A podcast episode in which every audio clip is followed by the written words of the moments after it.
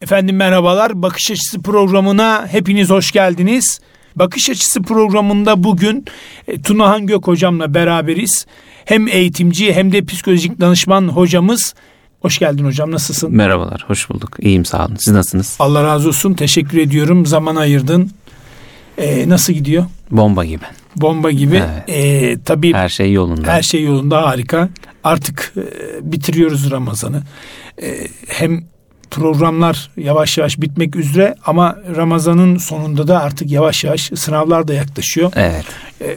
Nasıl görüyorsun öğrencilerin hazırlık aşamaları bu sene nasıldı? Bir stres yoğunluğu var mıydı? Evet bu sene tabii e, her sene olan bir takım olaylardan ötürü sınava neler olacak, sınavda neler olacak diye öğrenci düşünür. Bekler, bir beklenti olur.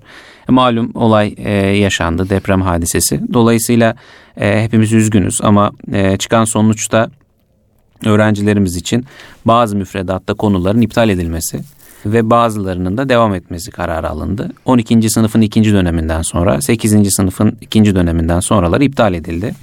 Dolayısıyla YKS'ye hazırlanacak olan öğrenciler sadece 9, 10, 11 ve 12. sınıfın ilk döneminden mesul oldular. Ee, bu karar doğrultusunda da işte sınava tekrar hazırlanan arkadaşlar o işledikleri daha önce gördükleri soruların çözdükleri konuları iptal etmek zorunda kaldılar. E biraz daha konular bu anlamda azaldı. Bunu biz daha önce iki yıl önce de yaşamıştık e, pandemi dolayısıyla. Yine buna benzer bir karar alınmıştı. E, dolayısıyla aslında sınav öğrencisi e, hayata e, çok iyi hazırlanıyor. E, neden derseniz bir kriz çıktığında, bir problem çıktığında, bir sorun olduğunda bununla yüzleşebiliyorlar. Ve bunun nasıl hareket edilmesi gerektiği, e, bunu nasıl yönetmeleri gerektiği konusunda şu anda biraz olsun e, idman yapıyorlar diye söyleyebilirim. Tabii bir optimum seviye var. O optimum seviyede kalırsan o stres tatlı bir stres. Evet. Ama optimum seviyeyi geçince biliyorsun artık e, farklı çanlar çalıyor. e, ziller çalıyor. Bu sefer ya doktora gidiyorsun ya ilaç kullanmaya kadar gidiyor ya da mide ağrıları, baş ağrıları falan oluyor. E, bu süreçte tabii e, şey zaman daraldı. E, tarihler belli oldu. Her ne kadar konular e, eksilmiş olsa da ister istemez bir stres Tabii zaman azaldı. var. Doğru. zaman azaldı. ne Vakit- diyorsun? Yani çok fazla da başvuru var. Hı hı, hı hı. E, MSÜ de artık bitti. Evet. O da 2 Mayıs'ta yanılmıyorsam açıklanacak. Evet, evet. MSÜ'deki puanla YKS'deki puan 3 aşağı 5 yukarı aynı mı gelir yoksa oynar mı? Yani oradaki puandan daha ziyade şöyle MSÜ sınavı e, YKS sınavının TYT kısmıyla e, Eşdeğer. muadildir, eşdeğerdir. Soru e, kalitesi anlamında veya işte zorluk anlamında vesaire. Biraz daha öğrenci orayı dener ama AYT kısmını deneyemez. O yüzden e, bir puan eşitlemesinden bahsedemeyiz ama e, MSÜ bir e, öncesinde, TYT öncesinde, YKS çünkü iki sınava ayrılıyor biliyorsunuz. Bir TYT, bir AYT. Dolayısıyla TYT kısmı yani temel yeterlilik kısmını kapsayan bir kısımdır MSÜ sınavı. E, orada öğrenciler bu sene bir TYT olsaydı ne olabilirdi, nasıl sorular gelebilirdisini görmüş oldular bir de aslında. stres attığında Bir biraz de stres attılar. olabilir. Evet. Sınava ilk defa girecek olan 12. sınıflar için bence çok güzel bir tecrübe oldu. E, şimdi onlar neye hazırlanacaklarını, nasıl bir e, ortamla karşılaşacaklarını 3 aşağı 5 yukarı tahmin edebiliyorlar. Dolayısıyla biraz daha rahat gireceklerini ümit ediyorum. Umarım da öyle olur. Şimdi stresi bir kere stres dediğimiz şey aslına baktığımızda bilmediğimiz şeylerle biz daha çok strese gireriz. Yani bildiklerimizde değil de tanımadığımız bir insanla ortamda bulunduğumuzda bir, bir, bir böyle ne yapacağımızı bilemeyiz. Nasıl hareket edeceğimizi bilemeyiz. Elimizi nereye koyacağımızı bilemeyiz. Bunların hepsi biraz heyecandır. Birazcık strestir. Bunları yönetebilmek önemli olandır. Yok edemeyiz. Ee, zaten. yok edemeyiz. Benim verdiğim örnekte çok kısa bir süreyi kapsıyor. Yani insanlarla bir araya giriyorsunuz, çıkıyorsunuz vesaire ama sınav süreci yönetilmesi gereken bir süreç. O yüzden çok bilinmeyenli olduğu için arkadaşlar da doğal olarak bir strese sebep oluyor. Ya da bunu ben yönetebilecek miyim, yapabilecek miyim, başarabilecek miyim? Sonucunu bilmedikleri için ve sonucunu bilmekte zorlandıkları bir programa hazırlanıyorlar aslında. E tabi bunu haftalık denemelerle çözmeye çalışıyorlar. Bir şekilde atlatmaya çalışıyorlar ama deneme sonucu çalıştıkları emeğin karşılığını vermediğinde bu sefer doğal olarak stres katlanmaya başlıyor. Veya işte o zor durum, o zor hal e, biraz daha katlanmaya başlıyor. Gerçekten olacak mı, olmayacak mı? İşte cesaret, güven gibi problemlerin hepsi çıkmaya başlıyor. Bu sınav süreci aslında insana çok şey katıyor. Ahmet Hocam o kadar çok şey katıyor ki bir kere hayatta buna benzer e, mücadeleler çok fazla var. E ya sadece sınav sürecinde değil. Özel hayat, çok sosyal fazla. hayat, Tabii iş kesinlikle. hayatı. Özellikle iş hayatında ve özel hayatta buna benzer çok şey. Evet şimdi bir konuyla karşılaşıyorsunuz. Sorusunu çözmeniz gerekiyor ve bundan mesulsünüz. Yapmazsanız görevinizi sonuç olarak iyi bir netice gelmeyecek. E hayatta da bu böyle. Verilen görevi, verilen mesuliyeti yerine getirmezseniz e, veya işte ne diyeyim babalık rolünüzü yerine getiremezseniz veya işte iş hayatındaki o yapmanız gereken mesuliyeti yerine getiremezseniz buradaki hazırlığınız tam değilse e, doğal olarak insanlar içinde de yapmış olduğunuz işin kalitesine göre de değişiklik gösteriyor doğal olarak. E, o yüzden yani bize sınav çok şey öğretiyor aslında. Onu okumak lazım. Onu yönetebilmek lazım. Yönetebilen arkadaşlar hayatta gerçekten kazanır. Evet bu önemli. Ee, pekala ben çeşitli kurumlara da e, danışmanlıklar yapıyorsun, çalışmalar yapıyorsun. Burada baktığımızda öğrencinin 12. sınıftan itibaren bir start vermesi mi lazım yoksa gerçekten bu iş ciddi arkadaşlar. Hani 9'da yavaş yavaş başlayıp böyle bir e, tamam 6-7 saat çalışma ama düzenli çalış ama her gün 2 saat çalışma. Hı hı. Şimdi hocam burada aslında Bunu sadece bu soruyu sormamdaki maksat artık bu saatte 12. sınıflarla bir işimiz yok. evet onlar Ondan zaten sonra hani 9, yapması 10 ve gereken- 11'ler bizi dinleyen arkadaşlar için önemli bir soru. Evet.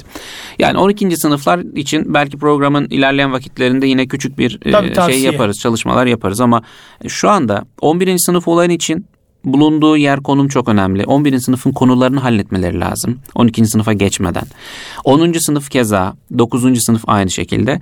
Şimdi ben 8. sınıfta LGS'de biliyorsunuz ki hem yerel yerleştirme var e, hem de sınavla yerleşme var.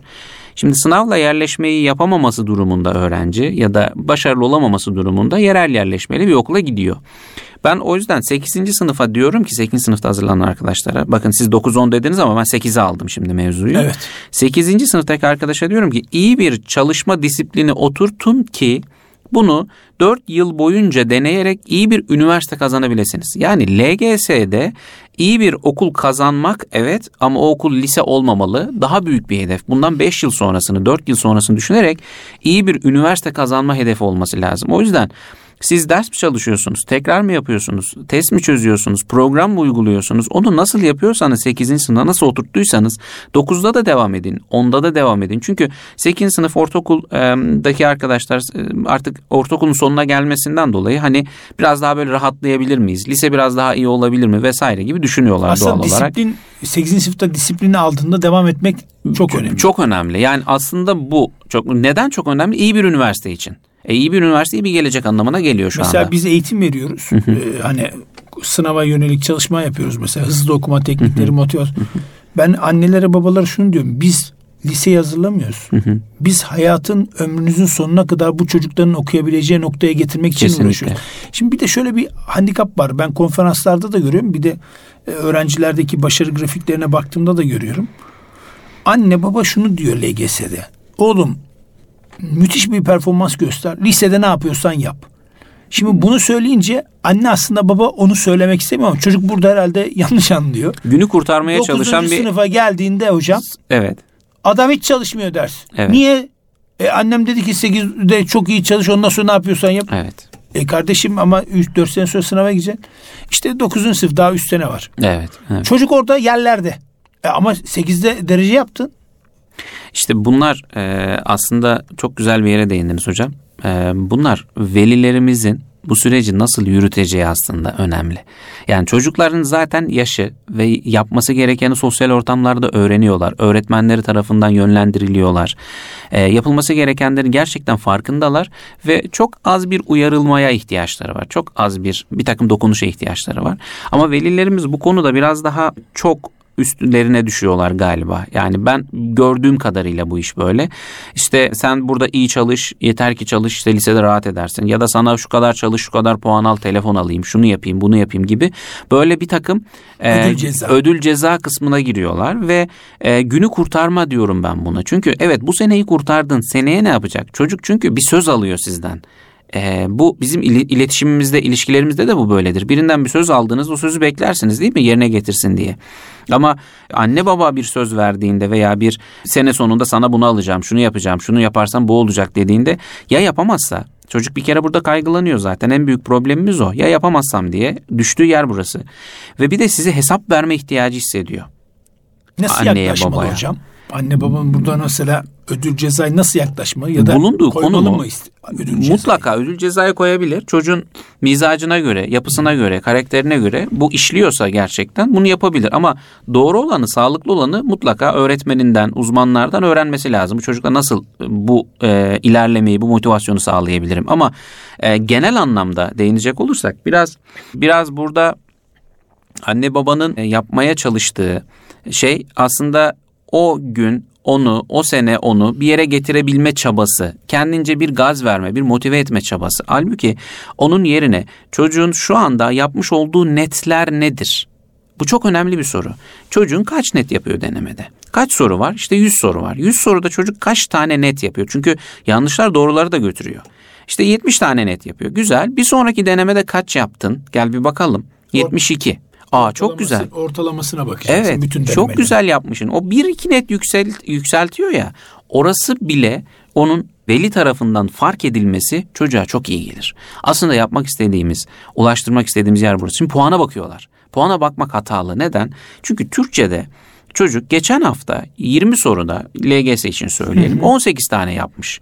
Bir sonraki denemede 15 yapmış ama matematikte 15 yaptığını 20'ye getirmiş. Şimdi bunu fark eden bir veli olursa çocuk daha çok motive olur. Ama puana odaklandığında sonuçta netle belli bir katsayıyı çarpıyor puan çıkıyor. Şimdi çocuk Türkçe'de düşmüş. Neden düştün oğlum sorusunu sormak daha güzel bir sorudur. Veya neden e, nasıl yükseldin? Bak çok güzel yapmışsın. Aferin. Böyle bu şekilde Ya devam da edelim. bu düşüşü nasıl yükseltebiliriz? Evet bu düşüşü nasıl yükseltebiliriz gibi böyle konuşmalar. Aslında kaç puan aldın? İşte 300. Kaç alman lazım? En iyi kaç yapıyor? 500. Sen çok aşağıdasın. Gibi ifadeler e, çocuklara çok iyi gelmiyor. Biz zannediyoruz ki çocuklarımız... Ramazan, Ramazan Evet hocam. yani zannediyoruz ki çocuklara çok iyi gelen bir cümle bunlar. İşte çalış otur bak bilmem kimin oğlu yapıyor sen niye yapamıyorsun falan. Burada Yani biz... aslında biz burada hocam sözünü Buyurun. kesiyorum. Oğlumuzu kızımızı at gibi mi kullanıyoruz? Yani bir e, yönlendirme at gibi demeyelim ama bir yönlendirme yaparken e, aslında e, Hani ata kızarsın vurursun ya. evet De tıkıdık tıkıdık gider. Evet, Şimdi yani- çocuğa sen kızıyorsun ama ya çocuk gitmezse? Hı hı hı hı. ya aslında kız kızsalar yani bir e, moral olarak bir duygu belirtisi yapsalar gerçekten çocuklar daha anlayış, anlayacak mevzuyu. Onun yerine daha böyle e, düşünsenize siz de görüyorsunuz öğretmenleri görüyorsunuz işte velileri görüyorsunuz falan. Çocuğa karşı geri bildirim verirken yüz hatları donuk bir anne ve babadan bahsediyoruz. Neden çalışmadın? İşte şunun için. Çalıştım ama olmadı anne baba falan. Çok donuk. Yani soruyu soruyor ama orada değil anne baba. Ama daha duygusal bir kızmayla gerçekten karşısına gelip ya oğlum neden düşük alıyorsun? Ben bunların hepsini görüyorum ve yüz hatlarında da değişmeler olan bir baba, Üzüntülü. efendim üzüntülü olan bir baba, bir anne. Onu çocuğuna geçirebilirse çocuk bunu çok daha net anlar. Yani kızmanın da gerçekten duygusal olarak kızabiliyorsak yani o şeyi karşı tarafa verebilecek bir yüz hattına sahip ve o şekilde ilerleyebiliyorsak çok güzel. Ama öte türlü sanki böyle nefret edermiş gibi hiç yani olsa da olur olmasa da olur ama ağzından çıkanı kulağının duymadığı cümleler. Yani gerçekten benim yanımda bile konuşurken veli çocuğuyla konuşurken bana bir işveren ya da bir babam ya da bir efendime söyleyeyim e, eşim böyle bir cümle kursa evi terk eder gidersin ama o çocuk onu çekmek sünger gibi içine çekmek zorunda. Neden? Hocam parantez içerisinde Evet. bir şey söyleyeyim. Benim hanımın en büyük abilerinden bir tanesi.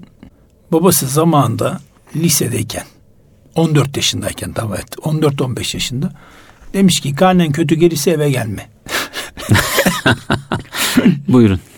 Eve gelmemiş. Evet gelmez. Çünkü aldı yönergeyi aldı bir kere. Gelmemiş. Evet. Hocam, kaç kaç e- yaşlarındaydı? Hatırlar mısın? 14-15. Evet, tam da böyle. Evi terk ediyor. Ve çocuğu 6 ay bulamıyorlar. Ya O 60'ı 70'li yıllar hocam. Nerede çok bulacak? vahim Cep çok vahim bir var? hikaye. Evet. Çok çok. 6 ay bulamıyorlar. İstanbul, Ankara, İzmir hani nereye gitmiş olabilir gibilerinden bir hani tevafuk diyelim İzmir diye düşünüyorlar. Ondan sonra böyle bir herhalde baba duygusallığı mı diyelim ne diyelim. Ya tabii baba o dönem şimdi çok yumuşak kayınpeder de yani huy olarak ama o dönemde sertmiş. Belki de yani o niyetle söylememiş olabilir ama çocuğun algılısı bu tabii. Hı hı. Tabii büyük kayınbirader işte İzmir'e gidiyor. İzmir'de e, çalışıyor. Ondan sonra bir otelde ticari kafası da çok ciddi basan birisi. Şu Çok anda iyi. dehşet. E, dehşet bir zenginliği var. Ondan sonra Allah daha çok versin ümmeti Muhammed herkese hayırlısıyla. Ondan sonra otelde kalıyor. İzmir'de e, sokakta işportacılık yapıyor. O yaşta. Hı hı. Çok küçük yaşta benim bildiğim limon satmaya başlamış. Hı hı. Ailesinin durumu iyi aslında. Ama Kendisi istiyor. istiyor evet. Ondan Bir şeyler sonra yapmak istiyor. İzmir'de yolda giderken bir bakıyorlar ki buluyorlar çocuğu. Hı. O zaman otele gidiyorlar. Otelden eşya alacak. Otel sahibi diyor ki ya böyle temiz bir çocuk nasıl olur ya diyor. O da tertemiz. Düzen tertip. O biçim. Ahlak muhteşem. Yani şunu demek istiyorum. Sizin verdiğiniz mesajı çocuk yanlış algılayabilir hocam. Gelme deyince gelmiyor çocuk yani. Gelme deyince gel. 6 ay. Yanlış algılamıyor aslında. Doğru algılıyor. Yani gelme denilen yere gelir misiniz? Gelmezsiniz herhalde. Yani bu çocuk için de böyledir. e, yetişkin için de böyledir. Siz gel dediniz diye geldik. Gelme deseydiniz gelmezdik gibi bir durum var. O yüzden e, çok net. Ben hatta buna şöyle diyorum. Ya enteresan bir hikaye bunu kullan. Yani mutlaka kullanalım. Gelme Çünkü deyince gelmiyor. gelme deyince gelmiyor. Yani biz bunu işte veliler şunu düşünüyorlar. Ben bu tarz cümleleri kurarsam belki bu çocuk bir şeye gelir. Hani diz, kendini böyle bir düzene sokar. Bir kendini toparlar vesaire diyor ama ben e, diyorum yani bu gazda ancak e, tavuk bile pişiremezsiniz diyorum ya. Bu gazla yani o vermeye çalıştığınız o motivasyon zannettiğiniz gazla tavuk bile pişmez. Parantez Çok- içerisinde aklıma bir şey daha geldi. Bir öğrencim var. Ee, geçen diyorum ki nasıl gidiyor ne yapıyorsun? Ondan sonra iftar sahur nasıl gidiyor? Dersler nasıl? Hocam hiç sormayın ya. Ne oldu oğlum? Hocam hiç iftara ve sahura inmek istemiyorum diyor. Neden? Evet. Hep fırça yiyorum Hep babamdan fırça diyor. Evet. Ne oldu? Sonuç ne? Ne yaptın? Ne ettin falan filan. Her gece diyor Evet. iftar sahurda fırça yenir mi diyor.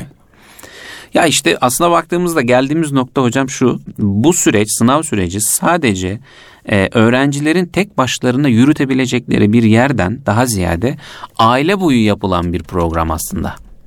Aile hazırsa bu sürece, aile kendini hazırlayabiliyorsa, çocuğuna hitabından tutun, çocuğun ortamından tutun, yani illa bir odası olmak zorunda değil. Çalışacağı ortam, ev ortamını sağlayabilirseniz, sınav evi burası diyebilirseniz ki bunu da gerçekten abartmadan, sosyal veya bir takım kendi böyle sosyal ihtiyaçlarınızdan vazgeçerek değil, çocuğun da ihtiyaçlarını kısıtlayarak da değil, gerçekten disiplinli bir programla ilerlediğinden emin olduğunuz ev ahalisi, veya çocuk sınava hazırlanan çocuğunuz. Ondan emin olduğunuz zaman her şeyin normal olduğunu, çocuğun yapabileceğine inanacağınız, kapasitesinin e, üstünde çalışmalar yapmaya gayret ettiğini inanacağınız bir ortam oluşu veriyor zaten. Aslında burada kaygılarımızı yönetmekte zorlanıyoruz. Her gelen hesap soruyor çocuğa. Anne ayrı soruyor, abisi varsa, ablası varsa, dayısı, amcası. E biz de sonuç itibariyle kültürel olarak da akrabalarımızla birlikte yaşıyoruz. Sorumluluğumuz sadece işte annemize veya babamıza ait değil. Bütün herkese karşı sorumluyuz. Ee, şimdi velilerden geliyor. Ee, Neden iftarda buluşuyoruz işte? Neden diyorum hani e, çocuğunuz yok? Nerede bizim Ahmet? Nerede bizim işte e, Kerim falan? Onlar da diyorlar ki hocam e, gelmiyorlar artık yanımıza. Yani bizimle gezmek istemiyorlar E, artık. Çünkü devamlı fırça atıyor. Şimdi amiyane tabirle konuşursak Evet. buradan tabii bizi dinleyen değerli çok kıymetli velilerimizi tabii ki e, kenarda tutalım ama veli dediğin hani şey değil e, çocuk gözüyle baktığında eyvah geldi fırça yine. diye. Gel fırça evet. Hocam bir kısa ara verelim. Tamam. Muhabbet güzel gidiyor. Efendim kısa bir aradan sonra programımıza kaldığımız yerden devam edeceğiz. Buluşma noktamız Erkan Radyo. Kıymetli dinleyenler bakış açısı programımız devam ediyor. Programda tabii hocam Tunan hocamla beraberiz. Radyosunu yeni açanlar için tekrar edelim.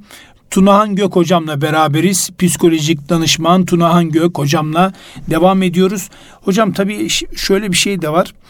Veli aslında şunu düşünmeli. Ben şimdi bir veli olarak şunu düşünmeliyim. Acaba ben çocuğumun yerinde olsam bu LGS'yi kaldırabilir miydim? YKS'yi kaldır. Abi Şimdi bir ergenlik döneminde bu çocuklar. Tabii. Vücut reaksiyon gösteriyor. Tabii. Kafasına enteresan jöleyi süren var. Orayı saçı bu tarafa yatıran var. Efendime söyleyeyim sivilcesi çıkan var. Ne bileyim vücut reaksiyon gösteriyor. Stres hattında vücut bana ne oluyor diye çocuk düşünürken tak kucağında LGS'yi buluyor veyahut da YKS'yi buluyor. Şimdi çocuğun üstünde çok fazla yük var. E, bunu destekleyici anlamında veli, anne baba topu göğsünde yumuşatması lazım futbol tabiriyle. Evet. E sen topu şimdi yumuşatmayıp topu devamlı çocuğun suratına atarsan e, çocuğun suratında patlayacak. Bıktırmış yani. olursun. E tabi. Evet, bıktırmış. Sonra olursun. işte gelmediğince gelmez yani. Gelmediğince gelmez. Evet. Ya aslında az önce değindiğiniz konu gerçekten çok önemli. Çocuk e, ergenlik döneminde duygusal olarak da bir şeyleri yönetmeye çalışıyor.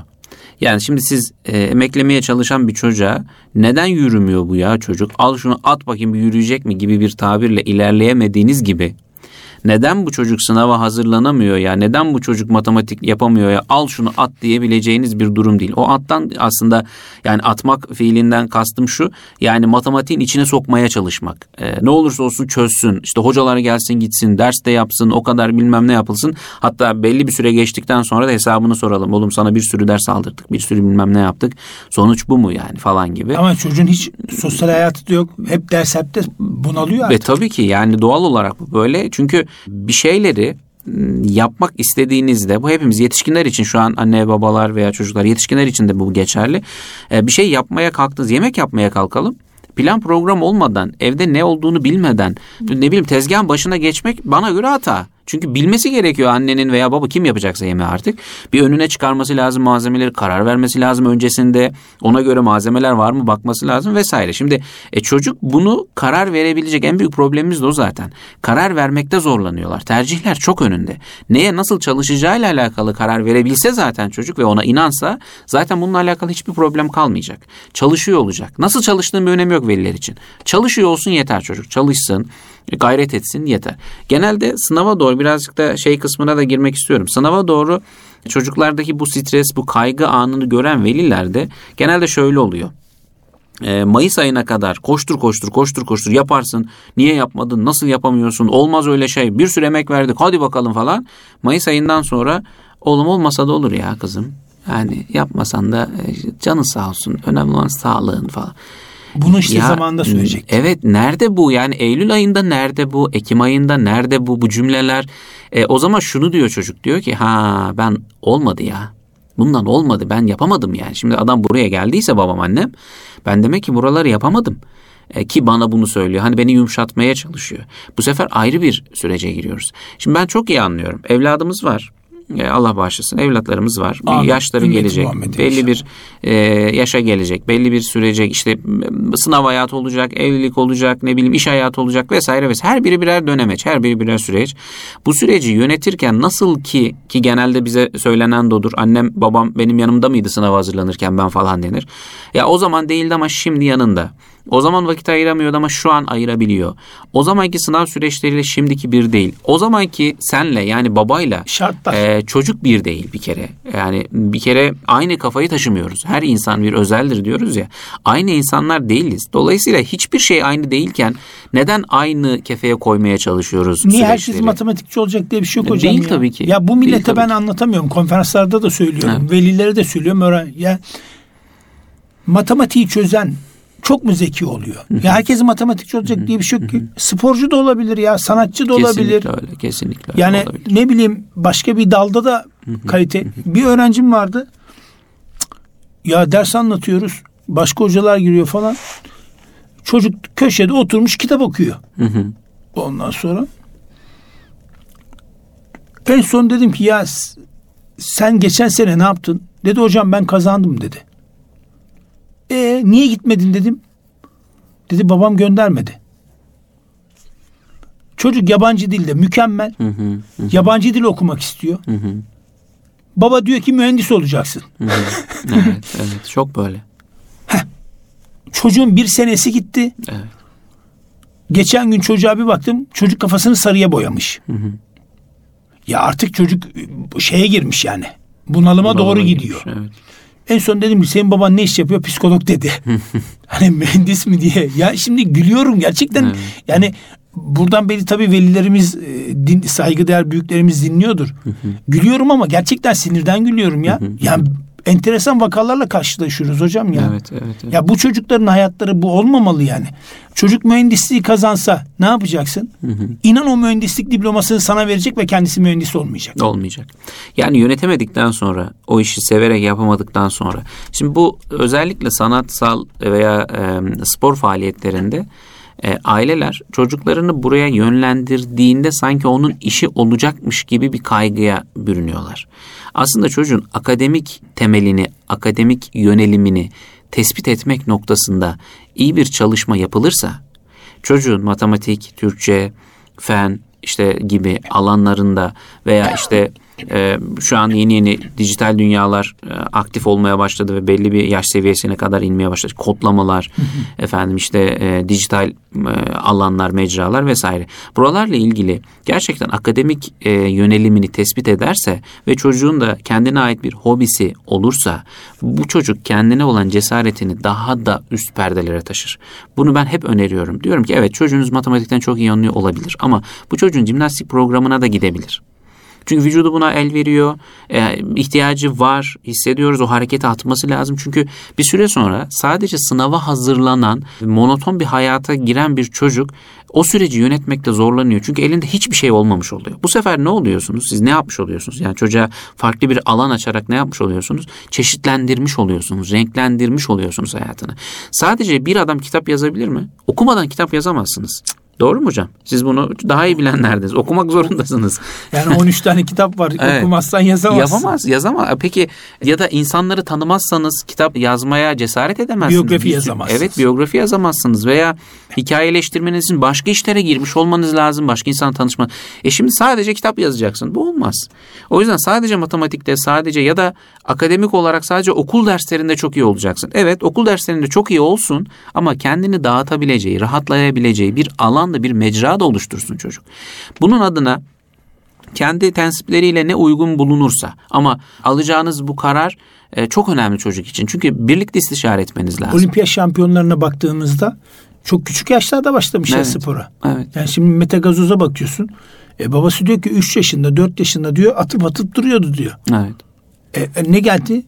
E, dünya şampiyonluğu Dünya geldi. şampiyonluğu geldi. Yani işte o mesela bir yeteneği daha doğrusu bir beceriyi aslında e, üst seviyelere taşıyabildiler. Akademik olarak da eğer akademiye de daha çok yönelseydi yani o dengeyi iyi Hayır korusaydı. profesyonelliği buradan yönetiyor ama aileler şunu düşünmüyor. Yanlış düşünüyor. Eyvah okçu mu olacak benim? Hayır çocuk dünya şampiyonasını getirdi. E, devam ediyor profesyonel ama üniversitede okuyor. Tabii tabii. Hocam şimdi futbolcular üniversite okuyor. okuyabilir. Veya özellikle milli futbolcularla ilgili Artık okuyorlar. Eskiden ilgili. okumuyorlardı. Evet. Şimdi hocam futbol bakın e, ben öğrencilerimden de biliyorum. Bir çocuk bir futbol takımında profesyonel oynuyorsa koç şunu soruyor. Biliyorum. Dersleri nasıl? Dersleri kötüyse futbolu almıyor hocam. Artık okumuş insanlara ihtiyaç var. İstersen dünyanın en iyi futbolcusu ol. Evet. Sanatçısı ol. Evet. Ressamcısı ol. Evet. Ama okuyacaksın. Doğru yani e, bir alanda zaten şu anki dünya şartlarına baktığımızda bir kişi sadece bir iş yapmıyor. Bir sürü alanları var. Örnek veriyorum. E, bir kişi bilgisayar mühendisliği okumuş. E, bilgisayar mühendisliği okumuş iyi bir firmada e, bilgisayar teknikeri veya işte bilgisayar uzmanı olarak çalışıyor veya işte ne bileyim IT sorumlusu olarak çalışıyor. Bir yandan da yazılım, web tasarım, grafik tasarım gibi işler de yapabiliyor. Bu o işinden e, feragat etmiyor. O işini de yapıyor, başka işler de yapabiliyor. Yani siz e, kitap da yazıyorsunuz, radyo programı da yapıyorsunuz. Bunlar belki iç içe geçmiş bir şeymiş gibi Eğitimci, görünebilir hayat. eğitimci Eğitimcisiniz, hayatı. programlarınız var vesaire. E, bunların hepsi aslında şu anki dünya şartlarında birkaç iş yapabilir bir insan E, Siz öylesiniz. Sen şimdi psikolojik danışmansın ama bir yanına bakıyorsun eğitim koçusun. Tabii ki. E, bir, Bir yanına taraftan- bakıyorsun öğrenci koçusun. Evet bir taraftan seans alıyoruz. Ee, psikolojik danışman olduğumuz için terapilerimiz var. Onları yapıyoruz. Bir taraftan okullarda çalışıyoruz. Araştırmalar Ee, var. e, araştırmalarımız var. Eğitimci olarak e, faaliyet göstermeye çalışıyoruz vesaire. Yani aslına baktığınızda kendi çerçevemizin dışına çıkmıyoruz ama farklı yani aynı işi benzer bir işi yapıyoruz ama farklı kişilerle farklı ortamlarda e, daha fazla kendimizi geliştirerek ki e, bir tek bir tek bir işi yaparak aslında insan çok mutlu olamaz. Yani ben bunu özellikle savunuyorum. Yani sadece işte ben Yan dallar e, açmak Evet ben sadece e, psikolojik danışmanım ve okulda sadece rehber öğretmenlik yapabilirim diyorsanız eğer kendi alanımdan yola çıkıyorum. Bunun yanında seminer vermiyorsanız, bunun yanında ne bileyim seanslar almıyorsanız, bunun yanında böyle ekstra programlar yapmıyorsanız kendinizi geliştirebileceğiniz bir mecra yok. Sadece e, bir odanız, e, bir kendiniz, bir yöneticiniz vesaire var. Onun haricinde ekstra bir çalışma yapmıyorsunuz. O zaman e, mutsuz olursunuz. Başka işler de yapılabilir. Başka çalışmalara dahil olabilir. Buna şu an teknolojiye de girmiş olmamızla e, yani daha net konu online çalış, eğitimlerle. evet online eğitimlerle daha çok e, böyle mecralara aktif bir şekilde kullanan bir topluluk olduk artık. Toplum olduk. Bunu artık hayatımızda gerçekten iyi kullanıyoruz bu arada. Yani tabii Çok olumsuz şükür. durumlar da var ama çok iyi kullanıyoruz. Elhamdülillah. E, duyuyoruz bunları. E, yapılan çalışmaları duyuyoruz. Çok mutlu oluyoruz. E, bunlar bizi çok mutlu ediyor. E, dolayısıyla olumlu taraftan da kullandığımız teknoloji bizim zamanımızı da bereketlendiriyor. Verimli hale getiriyor. O yüzden e, burada bu şekilde değerlendirmiş olalım. Birkaç işte yapılabilir. Hocam program bitmek üzere ama e, sınav öncesi velilere tavsiye niteliğinde neler söylemek istersiniz? Evet velilere sınav öncesi yaklı yani şu anda sınav biraz yaklaşıyor. Vakit e, daraldı. E, çocuklarıyla alakalı yapılan çalışmalar noktasında onlarla beraber olduklarını onlara hissettirsinler. Bu çalışmayı birlikte götürebilmenin daha doğru olduğunu savunsunlar. E, şimdiye kadar yapmış oldukları e, veya görüştükleri konuları az önceki söylemiş olduğumuz minvalde e, toparlayabilirler. Sonuçların ne getireceğini veya nereleri kazanacağını, e, bu puan ne ediyor, nereler gelir gibi sorular biraz daha çok erken olduğunu. Evet herkes bir sonuç bekliyor. Herkes bir e, bir yere varmak istiyor. Bu emeğin karşılığında ne olacağını merak ediyorlar. Ama bunlar için çok erken. E, sınava girdikten sonra artık sınavdan sonra gelen puan, gelen sıralamaya bakılarak çocukların yerleştirilmeleri yapılacak. Orada da e, o süreci de yönetmeleri, doğru yönetmeleri gerekiyor. Şimdi e, özellikle bu yaklaşan bu sınav öncesinde yapılması gerekenler konusunda tatil aralarda tatillerimiz fazlaca var. İşte Mayıs'ta bir tatilimiz var, ne bileyim bayram araları var vesaire falan. E, buraları planlarken e, önceliği sınava alsınlar. Yani hayatlarında şu anki yapmış oldukları çalışmada artık nasıl bir süreç ilerliyorsa çocukların sınavlarını düşünerekten planlamalar yapsınlar ve mümkünse sınava kadar herhangi bir planlama yapmasınlar. Çünkü veya çocuk soruyorsa veya bununla ilgili bir merakı varsa konuşulabilir ama onun haricinde böyle ekstra durduk yere ya işte ne yapalım Mayıs'ta şuraya gidelim işte e, ne bileyim bu hafta sonu buraya gidelim falan gibi böyle planlamalara girdikleri zaman çocukların programını sormadan bu tarz plana girdikleri zaman onlar da e, gereken denemeler varsa onları erteliyorlar. İşte izlemeleri gereken e, video varsa ders videoları varsa onları öteliyorlar vesaire. Şimdi artık velilere yapılacak tek şey yanlarında olduklarını hissettirsinler. Bu onlar için kafi. Ama öğrencilere gelecek olursak, öğrenciler bu konuda bence yönetmeleri gereken güzel bir süreç var. Onlara çok şey katıyor. Bir kere olumsuz düşüncelerden kendilerini uzak tutmaya çalışsınlar. Bu olmaz, ben bunu yapamam cümlelerinden daha ziyade neredeydim, nereye geldim? Bu bulunduğum yere ben gökten bir zembille inmedi. Bunu ben kendim başardım. Bu geldiğim noktada da ben o zaman iyi bir üniversite veya istediğim bir üniversiteyi kazanabilirim. O zaman kafasını yastığa koyduğunda bir gününü değerlendirdiğinde gerçekten iyi bir çalışma yaptığına inanıyorsa o uyku çok güzel bir uyku olur. Uyandığında çok güzel bir sabaha uyanır ve sınava girdiğinde çok güzel bir sınav günü geçirir ve doğal olarak da tercih ve üniversite kayıtlarında da çok güzel bir süreci ilerletir. O yüzden e, olumsuzluklarla yönetilebilir bir süreç olmadığını sınav sürecinin tamamıyla bünyenin olumlu bir ifade, olumlu bir güne uyanış, olumlu bir uyanışla veya uykuyla bu şekilde hayatına devam etmesi. Dersin başına oturduğunda, denemenin başına oturduğunda ya ben burada en kötü ne yaparım ifadesinden daha ziyade en iyi ne yapabilirim? Veya iyi ne yapabilirim?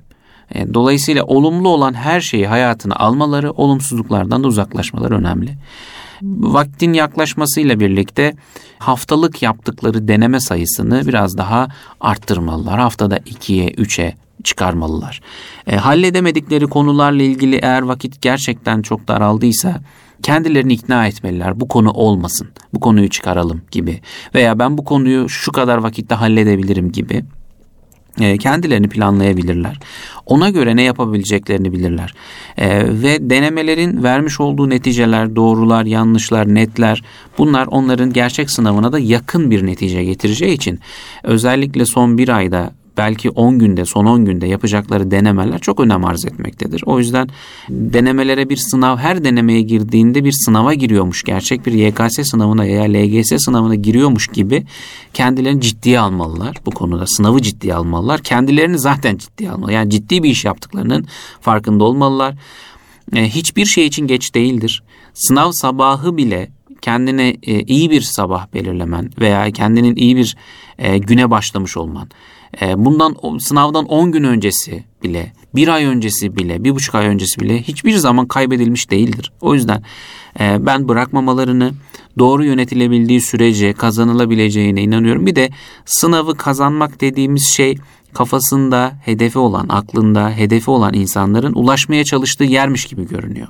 Evet bu da bir sonuçtur ama bu iyi bir sonuçtur ama bu gayretin sonucunda almış olduğun netice her neyse onu tercih zamanı e, gerçekten bu işi bilen kişilere sorarak, birkaç kişiye sorarak e, işinin peşinden gitmeli. Çünkü çok iyi bir bölüm, işte tıp, ne bileyim hukuk, işte sayısalda, mühendisliklerde, işte bilgisayar mühendisliği, yazılım mühendisliği gibi bölümler var. E, işte iş tarlaya geldiğiniz hukuk var, psikoloji var. İşte sözele geldiğinizde e, bir takım bölümler var işte özel eğitim e, gibi. E, bunlar neden bunlar iyi? Çünkü mezun olduklarında maddi olarak iyi bir yerde başlıyorlar. Ondan dolayı iyi ve Türkiye'de seviye iyi seviyede öğrenci alıyorlar. Yani ilk 20 binde değilsen 25 binde değilsen tıpa gidemiyorsun. Yani bir 70 bindeki adam almıyorlar tıpa yani. Dolayısıyla evet. e, revaçta olmasının sebepleri var. İyi bölümler. E, bu bölümlerin haricinde gelecek birçok arkadaşımıza zaten. Yani ilk 60 bine iyi bölümler gelebilir ama 60 binden sonra neredeyse 2,5 milyon üstünde insan giriyor bu sınava. 60 e, binden sonraki arkadaşlar ne yapacaklar? Hiç bölüm olmayacak mı onlar için? Öyle bir dünya yok. Her bölüm var. Her bölüm kıymetli. Kendileri ne yapabilirler? Onları iyi araştırsınlar. Uzmanlardan iyi görüşler alsınlar. Kendilerine yatkın olanı yatkın olan karar alsınlar. Bu e, tekrar hazırlanmaksa tekrar hazırlanmak. Bu İyi bir üniversite e, ise iyi bir üniversite, iyi bir bölüm ise iyi bir bölüm. Bunun kararını kendileri vermeliler diye e, özetlemiş olalım. Evet hocam önemli bir zaman dilimi e, çok az kaldı. Ramazan'ın son günü olması hasebiyle de yarın bayram. Evet. Buradan son cümlelerinizi alalım evet. bizi dinleyenlere. Şimdiden iyi bayramlar diliyoruz. Evet iyi bayramlar diliyoruz efendim. Ee, sınava girecek olan öğrenciler konumuz olduğu için ve sınava e, öğrencisi girecek, evladı girecek anne babalar için de inşallah bu da bir bayram olur. Sınav günde bayram olur. Her günleri bayram olsun efendim. İnşallah. Allah razı olsun. E, hocam zaman ayırdınız. E, çok teşekkür ediyoruz. Evet, psikolojik danışman Tunahan Gök hocamla beraber e, sınavı, sınavı, hayatı ve stresi konuştuk. Efendim önümüzdeki hafta aynı gün ve saatte tekrar görüşmek ümidi ve duasıyla iyi bayramlar, hayırlı bayramlar diliyoruz. Allah'a emanet olunuz. İyi bayramlar efendim.